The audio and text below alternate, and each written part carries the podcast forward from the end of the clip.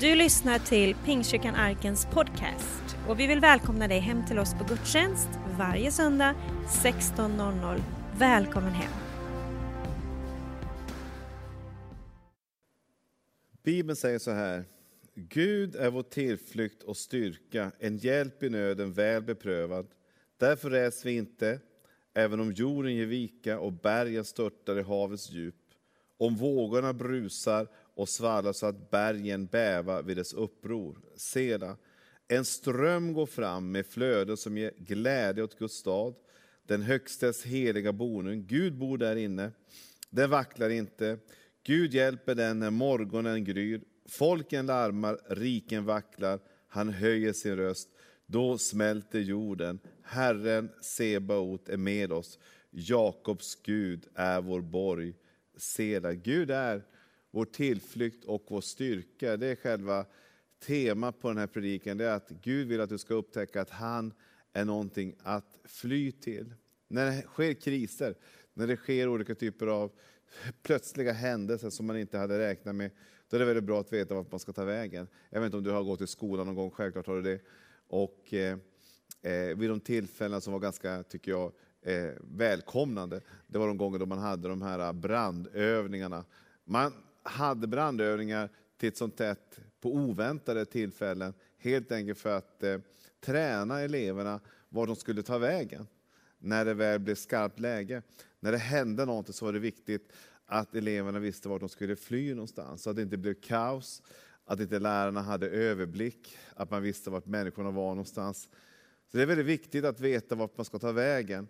Annars är det lätt att man snurrar till det, att man blir förvirrad, att man faktiskt kan skada sig när man inte vet vart man ska ta vägen när det blir skarpt läge.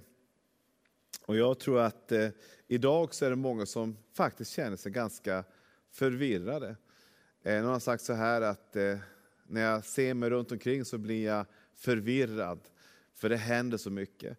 Och när jag ser på mig själv så blir jag förtvivlad, för jag har så svårt att hitta en väg fram. Men Bibeln talar om att det finns en väg som ger oss tillfredsställelse och eh, en förklaring och en väg framåt. Och det är att se på, se på Gud.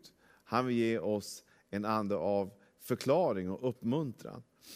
Så Gud vill ge dig, i allt det som sker, han vill ge dig en vägledning, han vill ge dig en exit. Så att du vet att i olika lägen som sker, att du vet vart ska jag ta vägen någonstans. Det, det handlar inte i första hand om ett fysiskt rum. Det handlar inte i första hand om ett rum som, som eh, eller en plan som staten har gjort, utan de bitarna kan vara bra självklart. Men det viktigaste av allting, var ska vi ta vägen med våra känslor? Var ska vi ta vägen med alla våra tankar? Var ska vi ta vägen med alla planer? Gud vill visa dig en väg som är tillförlitlig och som är väl beprövad genom sekler och årtusenden. Så min första punkt i den här eh, predikan är att Gud är alltid bästa valet. Gud vill att du ska veta exakt var du ska ta vägen. Jag kommer ihåg när jag var liten, det var under kalla krigets dagar, det var på 70-talet. Då eh, byggde man många hus med eh, olika typer av eh, skyddsrum. Man fick lite hjälp av staten som man hade. Jag vet en del av mina grannar hade byggt små, små skyddsrum. De använde man privat så länge ingenting hände. Men sen om det skulle bli skarpt läge så, eh, så skulle de användas för allmänheten. Det var skyddsrum som fanns utplacerade på lite olika ställen i samhället. Eh, Gud vill vara ditt skyddsrum. Han vill vara närmare än vad du faktiskt kanske förstår alltid. Han är så nära som din egen tanke är. Han vill att du ska upptäcka att direkt du vänder dig till honom så upptäcker du att det finns ett skydd. Det finns något som är förberett, något som är stabilt, någonting som har prövats och testats på olika sätt. Eh, som klarar av hårda smällar, som klarar av hårda upplevelser. Det är en plats som är beprövad. Gud är vår tillflykt och vår styrka. Och den bästa satsningen man kan göra när det är skarpt läge, det är faktiskt att gå till honom. Bibeln säger så här, när ni söker först Guds rike och hans rättfärdighet, så ska ni få allt det andra också. Gud vill att du ska upptäcka kraften i att söka honom först. Det finns ett skydd där. Det finns ett, ett andligt skydd, det finns ett skydd från negativa tankar. Det finns ett skydd att kunna eh, fatta bra beslut. Det finns så mycket av positivitet i det rummet som, som handlar om att fly till Gud, att vara i hans närhet. Det är en, en fantastisk plats som är förberett och som är tillgänglig för alla människor. Du som, som lyssnar på det här nu, du kanske, kanske aldrig gått till kyrkan, du kanske aldrig har varit en, så ofta i kyrkliga sammanhang, men en plats du kan fly till direkt, det är till, till Jesu närhet. Det är att fly till hans plats där han är. Direkt du, du eh, säger till Gud, Gud jag vill komma till dig, så finns, så finns det en plats för dig där. Det finns en plats hos Kristus. Så Gud är alltid bästa valet. Ofta så kanske vi människor tänker på honom sist. Eh, men eh, Gud vill att du ska upptäcka att det är den klokaste vägen, det är att börja med honom först. Därför att allt det andra kommer sen i sina rätta proportioner. Allt det andra kommer på sitt, på sitt, på sitt rätta sätt. Så börja alltid med Gud först, det är det bästa valet. Det andra jag vill säga är att Gud tar det från fruktan och frustration till förtröstan. När du söker Gud så upptäcker du hur, och du söker dig in i hans rum, in i hans kan man säga, domän. Eh, och det är ju direkt, du, du åkallar hans namn, direkt du talar ut hans namn, direkt du kommer till honom och säger Gud nu kommer jag till dig. Då är han där. I den faktiskt skyddande miljön som finns där, så bör du upptäcka att eh, det du har burit med dig av kanske frustration, och ängslan och oro, det börjar faktiskt falla av. Det börjar på något sätt eh, eh, skrubbas av dig. För att det som är i det rummet är så positivt att eh, de negativa tankarna, de negativa eh, emotionerna som, som vi lätt bär med oss, de, eh, de börjar tvättas av. De försvinner sakta men säkert, de, de förminskas och Guds kärlek och omsorg förstoras. Någonting sker på insidan. Så Bibeln vet du ska upptäcka att, att du blir fri ifrån fruktan. Du kanske är drabbad av fruktan av olika orsaker. Det kanske är saker och ting du har hört, saker och ting som du har gått igenom, saker och ting du tycker är utmanande. Men Gud vet att du ska upptäcka att det finns frihet i Kristus. Eh, Roosevelt, presidenten, han sa så här, att det enda vi behöver fruktan, frukta, det är fruktan själv. Idag så tror jag att fruktan är kanske det, frukta bara för att frukta är det mest negativa som sker just nu i vårt samhälle. Det styr så mycket av våra beslut, det styr så mycket av, av våra känslor, det styr så mycket av våra handlingar. På olika sätt så, så, så tar det väldigt mycket energi från oss. Men Gud har ett botemedel. Det är att komma till honom. Han är vår borg, han är vår hjälp i nöden, väl beprövad. Bibeln säger till och med att även om, om berget skulle falla rakt ner i havets djup, om man skulle se en sån upplevelse, eller man ser hur, hur världshaven omstörtas och faller in över land, eller vad nu som kan hända. Det är en väldigt dramatisk bild som målas upp i den här salmen. Eh, inte ens då så behöver vi känna fruktan, på grund av att vi är i ett beskydd i hans närhet så finns ett beskydd. Det är något som är bergfast och som klarar av alla typer av, av utmaningar. När jag gjorde lumpen för många, många år sedan så gjorde jag det uppe i, i Norrland. Och då var jag inne i ett atombombsäkert skyddsrum. Det skulle klara av faktiskt en atombomb. Eh, och det kändes på ett sätt väldigt, väldigt tryggt, för det var så mycket säkerhet och så mycket, eh, kan man säga, cement som på olika sätt skulle skydda, skydda liksom det som fanns på insidan där. Men jag vet något som är ännu bättre, det är att vara i Guds närhet. Det är den bästa platsen du kan vara i, i Guds vilja. Det är en otroligt säker plats, det är en skyddad plats, det är ett safe room, det är en plats där du kan få känna att du får slappna av, vara dig själv, känna att livet kommer tillbaka, hur pulsen går ner och du känner hur fruktan släpper sitt grepp om ditt liv. Bibeln säger så här i Jesaja 54 och 10. Även om bergen viker bort och höjderna vacklar, ska min, så ska min nåd inte vika från dig, eller mitt fridsförbund vackla, säger Herren, din förbarmare. Vad säger Bibeln för någonting? Ja, även om allting skulle vändas upp och ner fullständigt, så kommer Guds nåd inte vika ifrån dig en millimeter. Vad handlar nåd om? Ja, det handlar om att vi är föremål för Guds kärlek oavsett vad vi gör. Oavsett vad vi har gjort. Vi kan inte förtjäna Guds omsorg och favör och kärlek. Utan han älskar oss för att vi är de vi är. Han älskar dig för att du är den du är. Och Det är ett faktum Bibeln säger som ingenting kan rucka på, ingenting kan ändra på. Inte ens om hela jorden skulle vändas upp och ner så skulle det förändra Guds perspektiv i att han älskar dig och att han har en plan för ditt liv. Han vill ditt absolut bästa. Så när du kommer till honom kan du vara helt övertygad och säker om att det är en hundraprocentig försäkring att Gud vill ta hand om dig. Han sviker aldrig dig. Han vill ge dig den frid du behöver. Så när du kommer till honom får du känna att du kan få känna frid och frihet. Fruktan tappar sitt grepp. Det fanns ju för många, många år sedan, det är ju nu närmare hundra år sedan, så hade vi spanska sjukan i Sverige. Eh, då hade man inte sociala medier på, på det sättet som vi har idag. Man kunde inte följa nyheterna. Men man såg att väldigt många människor runt omkring blev sjuka. Det fanns en man som hette Levi Petrus på den tiden. Han var en pastor i Stockholm. Han hade en bibelskola på 200 elever. Och när spanska sjukan stod till så, precis som nu, så ville man införa restriktioner hur många man skulle samla i rummen. Man hade 200 elever eh, och man fick ganska stor press på sig att lägga ner bibelskolan. Men, men man fick ändå ha det. Men Levi Petrus han bestämde sig ändå för att eh, fullfölja kursen. Eh, men han såg att de började bli sjuka runt omkring och folk blev oroliga, man blev rädda. Man visste inte vad som skulle hända. På den tiden också, spanska sjukan slog ju till väldigt hårt på unga människor framför allt.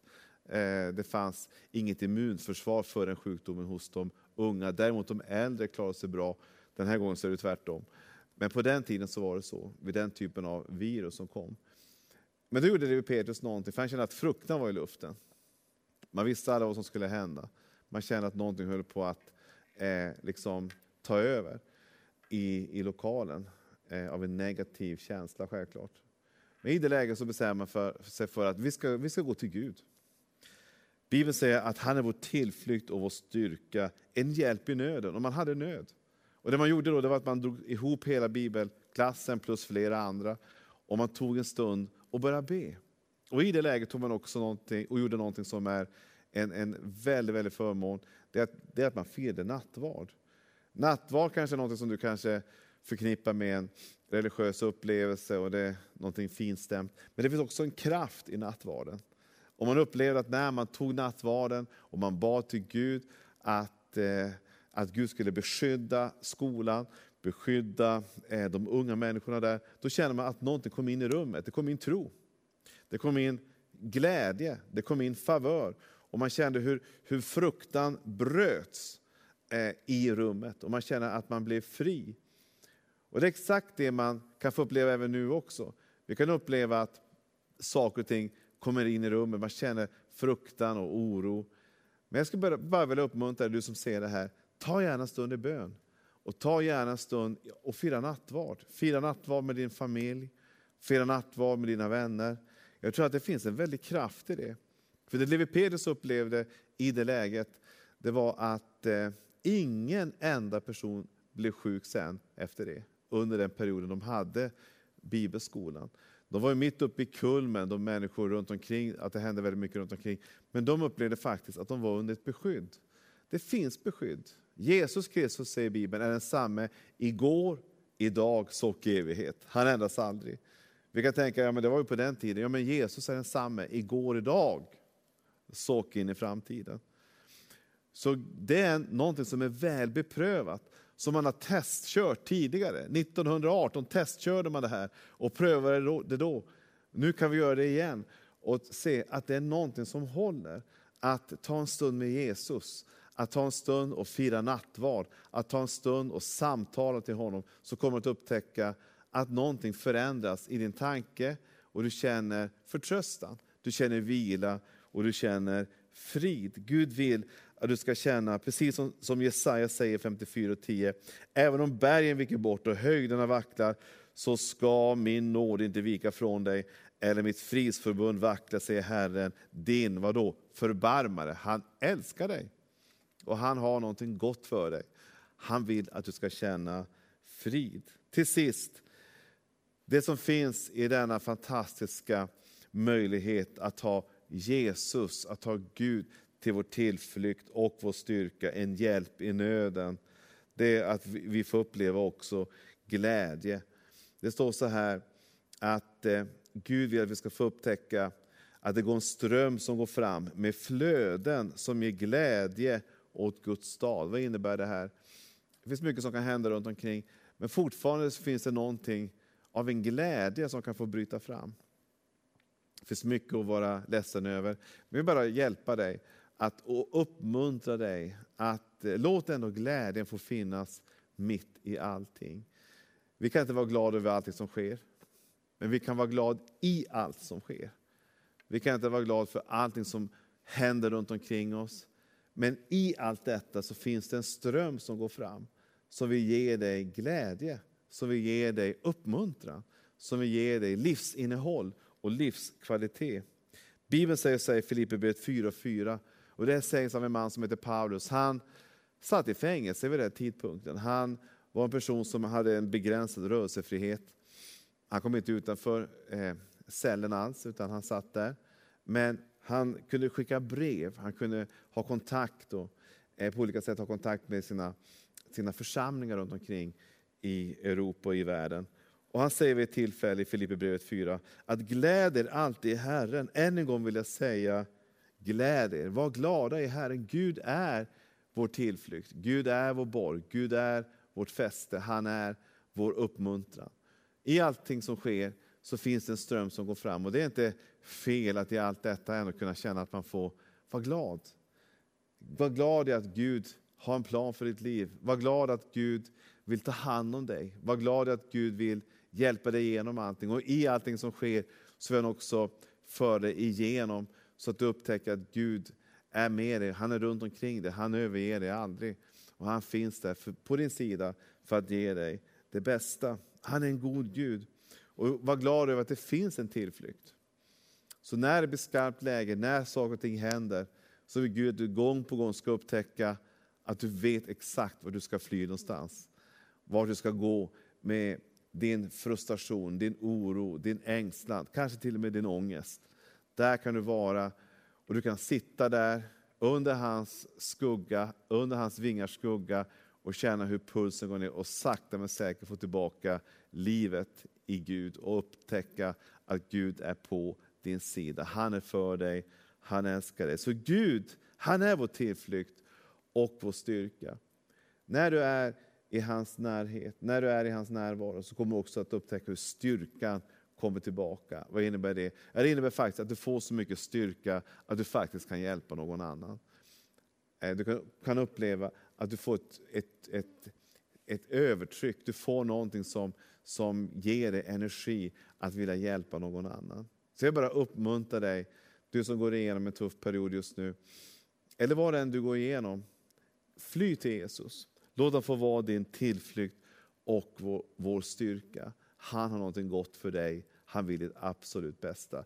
Låt oss be tillsammans. Jag vill be en bön för dig. Att Gud ska välsigna dig, att Gud ska bevara dig och att han ska ta hand om dig. I Jesu namn. Fader, jag tackar dig för var en som lyssnar på det här just nu. Tack att du har en uppmuntran, du har en tillflykt, du har en väg igenom allting, Herre. Jag ber här om välsignelse, Herre, över var och en som lyssnar. Herre. Tack att du, Gud, har någonting gott, någonting eh, innovativt från himmelen, Herre. Du ger, Herre, en hälsning, Herre. Tack att du är aldrig långt borta, Herre. Tack att du är nära, Herre. Och tack att du, Herre, precis på samma sätt som du har hjälpt människor genom generationer i olika situationer, så hjälper du oss nu också, Herre. Tack att du aldrig överger, Herre. Tack att du är vår tillflykt och du är vår styrka. Du är vår borg och du är vår väg framåt. I Jesu namn. Amen. Gud välsigna dig och ha en fantastisk fortsättning på den här söndagen. Gud välsigna dig.